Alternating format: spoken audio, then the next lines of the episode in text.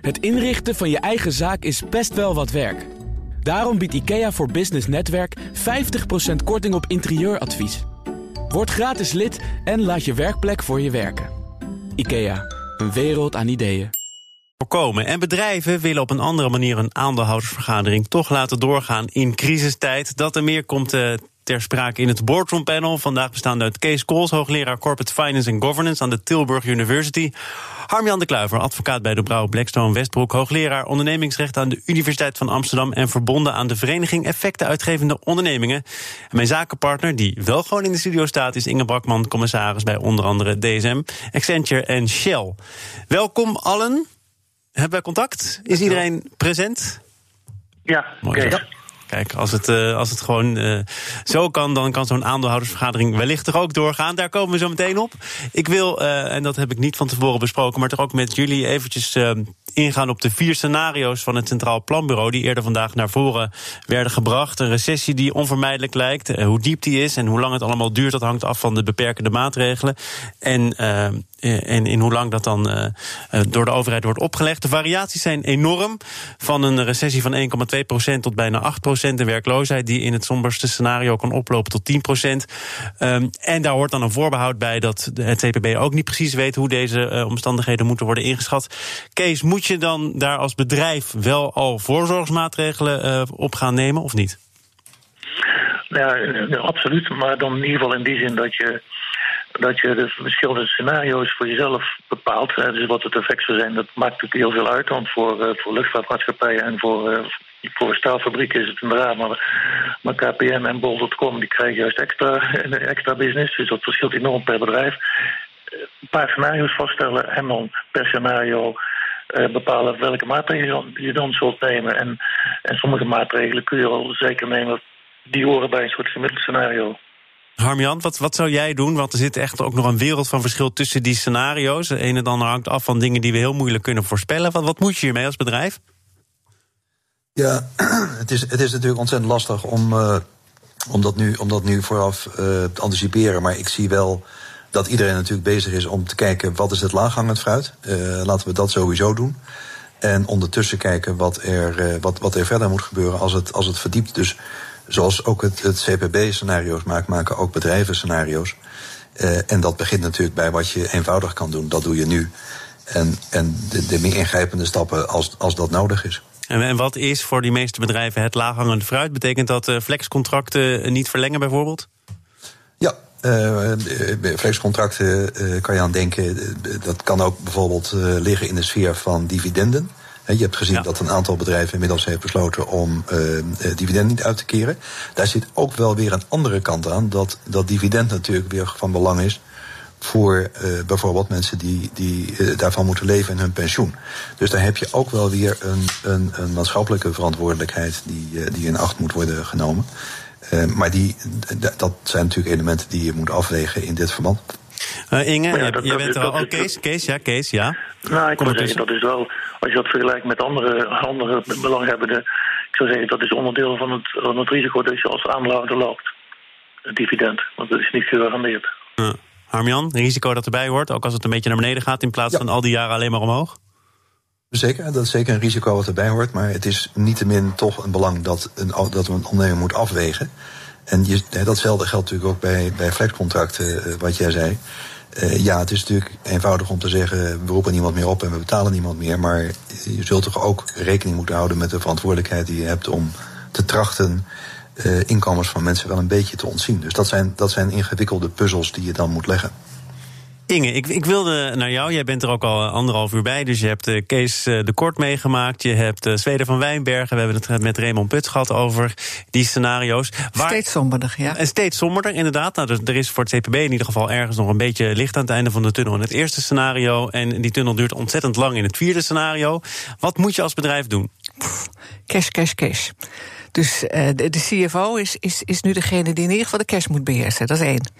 En um, als het goed is, heb je, heeft elk bedrijf, in ieder geval als ze wat groter zijn, dan laat ik even de ZZP'ers daar. Pardon. Die, die heeft in, in ieder geval wel wat liquiditeit en die heeft een eigen vermogen.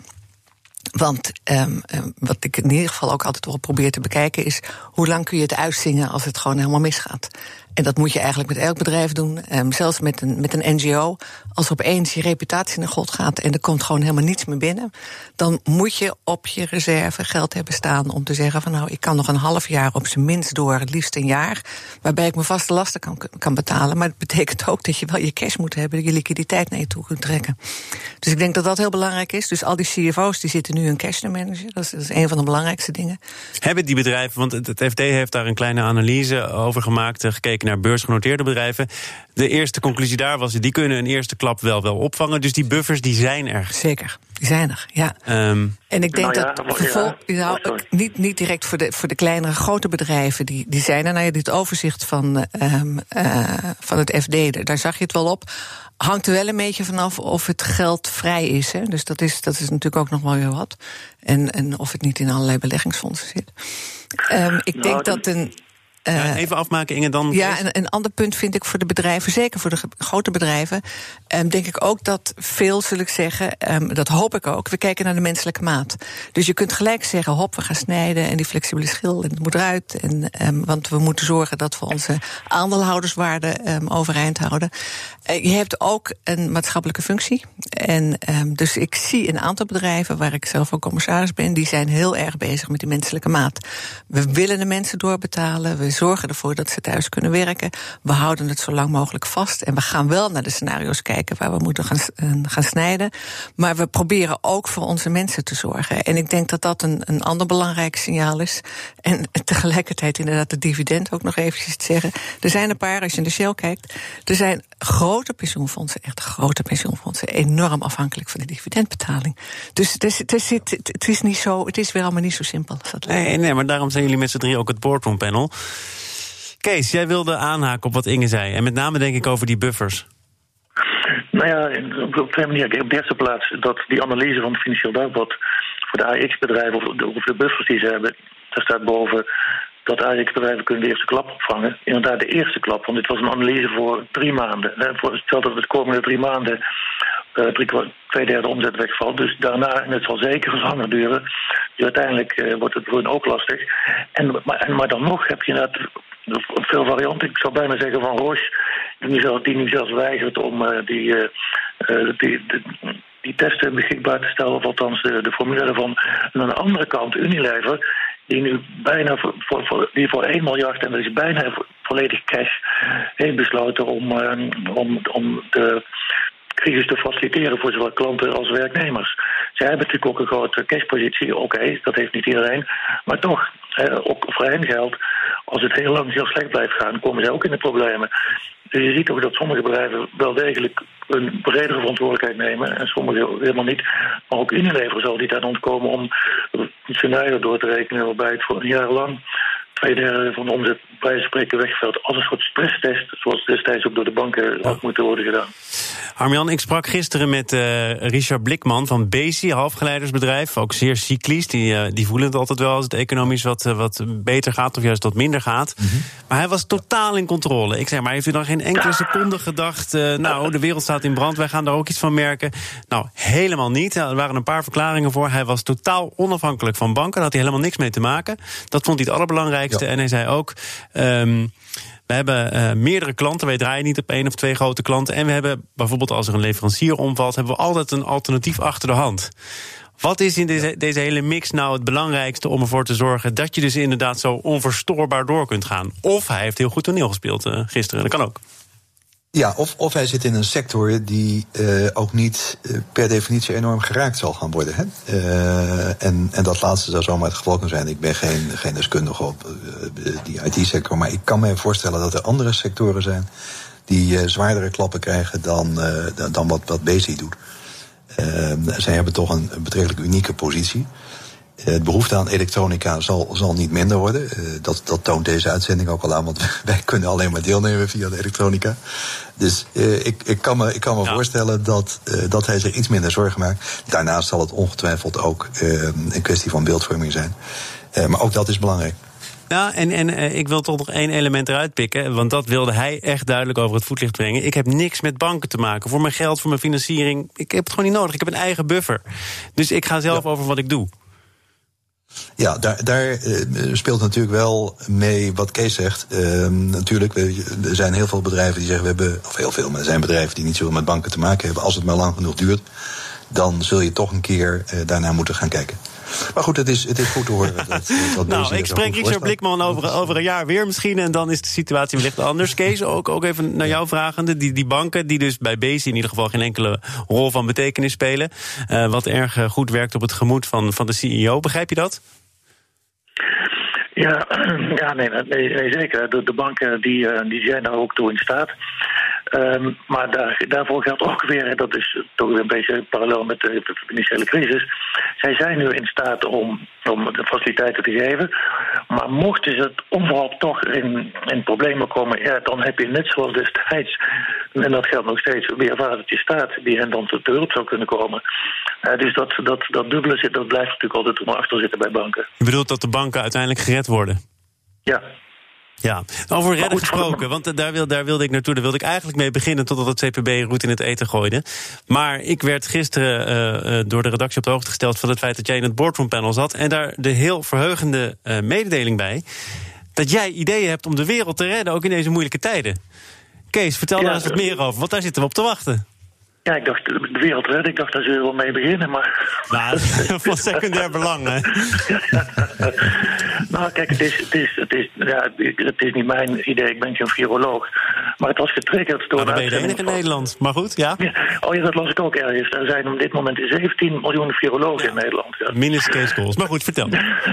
er, is, uh, nee, er was afgelopen zondag een uitzending van Tegenlicht van de WPO... en daar kwam drie, drie kwart van het programma was gewijd aan een soort interview met Ron Fouché, dat is een zeer internationaal bemaarde viroloog van het Erasmus MC.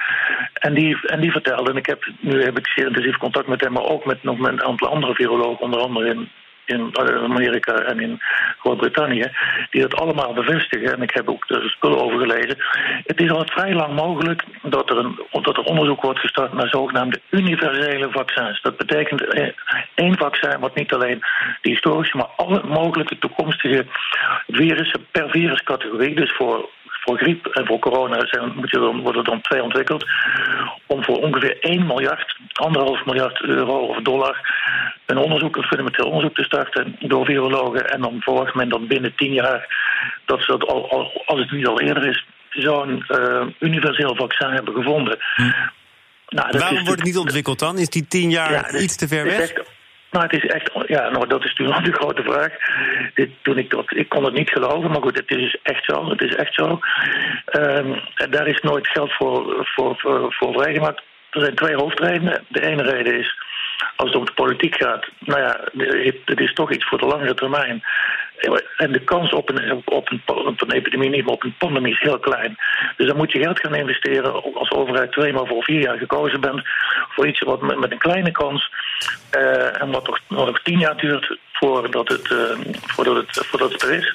Of misschien vijf jaar, in ieder geval na jouw periode. En voor farmaceuten die hebben hetzelfde probleem.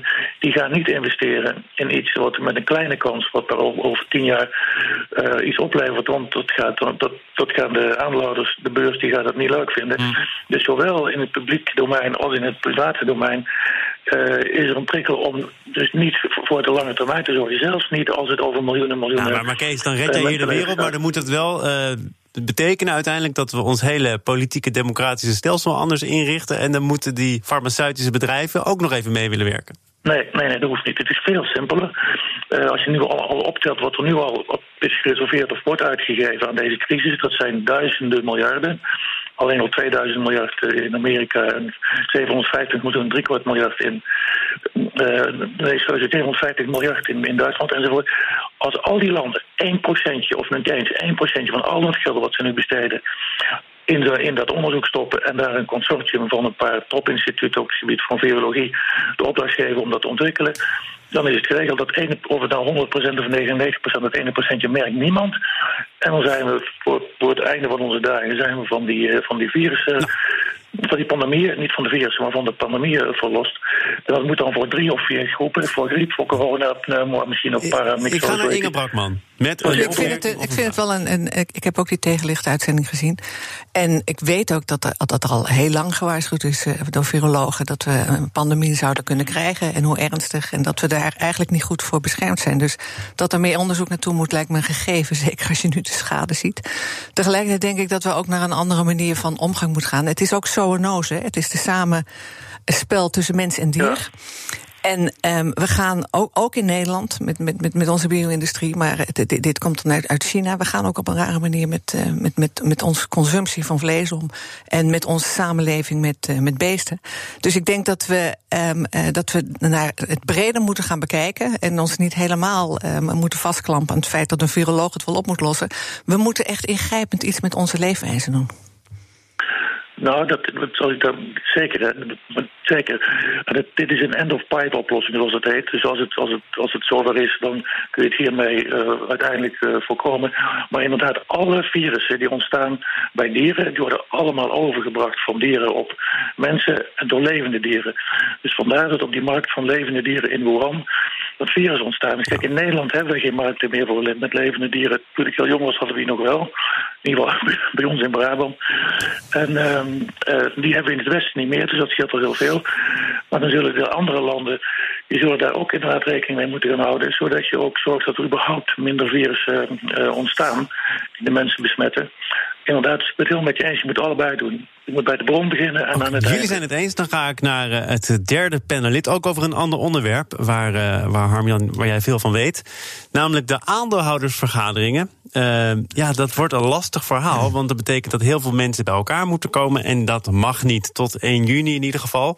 Nou las ik overigens dat het ministerie van Justitie en Veiligheid heeft laten weten dat een aandeelhoudersvergadering mag doorgaan als die wettelijk gezien verplicht is. En er, en er minder dan 100 mensen op afkomen. En iedereen afstand van elkaar houdt. Uh, maar uh, het denken daarover is alweer een, uh, een stapje verder, geloof ik, hè? Uh, nou ja, het, denken daarover is, is natuurlijk al een tijdje aan de gang. Um, de aandeelhoudersvergaderingen zijn al voor een heel groot deel niet meer fysiek. Dat is iets van de afgelopen tien jaar. Er zijn steeds meer aandeelhouders die op afstand stemmen. Um, de, grote, de grote beleggers die komen niet meer naar die vergaderingen, maar die hebben één op één gesprekken met het bestuur. Horen daar wat, wat ongeveer de gedachten zijn, of die geven dat mee en die, die stemmen op basis van de, van de agenda. Wat je nog hebt is uh, vergaderingen waar over het algemeen zeg maar, de wat kleinere aandeelhouders komen. Uh, nou, dat is op zichzelf prima, maar in deze omstandigheden uh, wordt dat wel heel problematisch. Want als je zegt, uh, die algemene vergaderingen mogen dan wel doorgaan, maar met een maximum aantal, aantal deelnemers, hoe ga je dat dan faciliteren? Eén, welke locatie vind je nog? Want al die locaties zijn gesloten. En, en, en, en twee, wat doe je nou als uh, je 30 of 100 mensen mag toelaten en er staan er 150 voor de deur? Ja. Dus dat is eigenlijk niet goed werkbaar. En de gedachte is, zou je niet uh, over moeten gaan naar een, een niet-fysieke vergadering? Nou, dat is op zichzelf uh, iets waar al heel lang uh, ook over wordt nagedacht. En mensen zeggen dat is op zichzelf eigenlijk best goed, goed te doen. En de gedachte is dat dit wel een goed moment is, en dan zeg ik het voorzichtig, om dat te doen. Um, alleen je hebt daar dan nog wel een, een aanvullend, aanvullend initiatief van de wetgever voor nodig, omdat je nu volgens de wet alleen maar een, een fysieke vergadering kunt, uh, kunt hebben, of moet hebben zelfs. Nou, dat zou je dus. Ik heb jou horen zeggen dat dat eigenlijk vrij eenvoudig te regelen is. Zeker. Of niet, ik heb het niet gehoord, ik heb het gelezen, maar je gaat het nu zeggen. ja, ja. Uh, nee, dat, dat is ook zo. Dat, dat, dat, dat, je moet dan zeg maar drie, vier bepalingen van het burgerlijk wetboek moet je, moet je buiten werking stellen.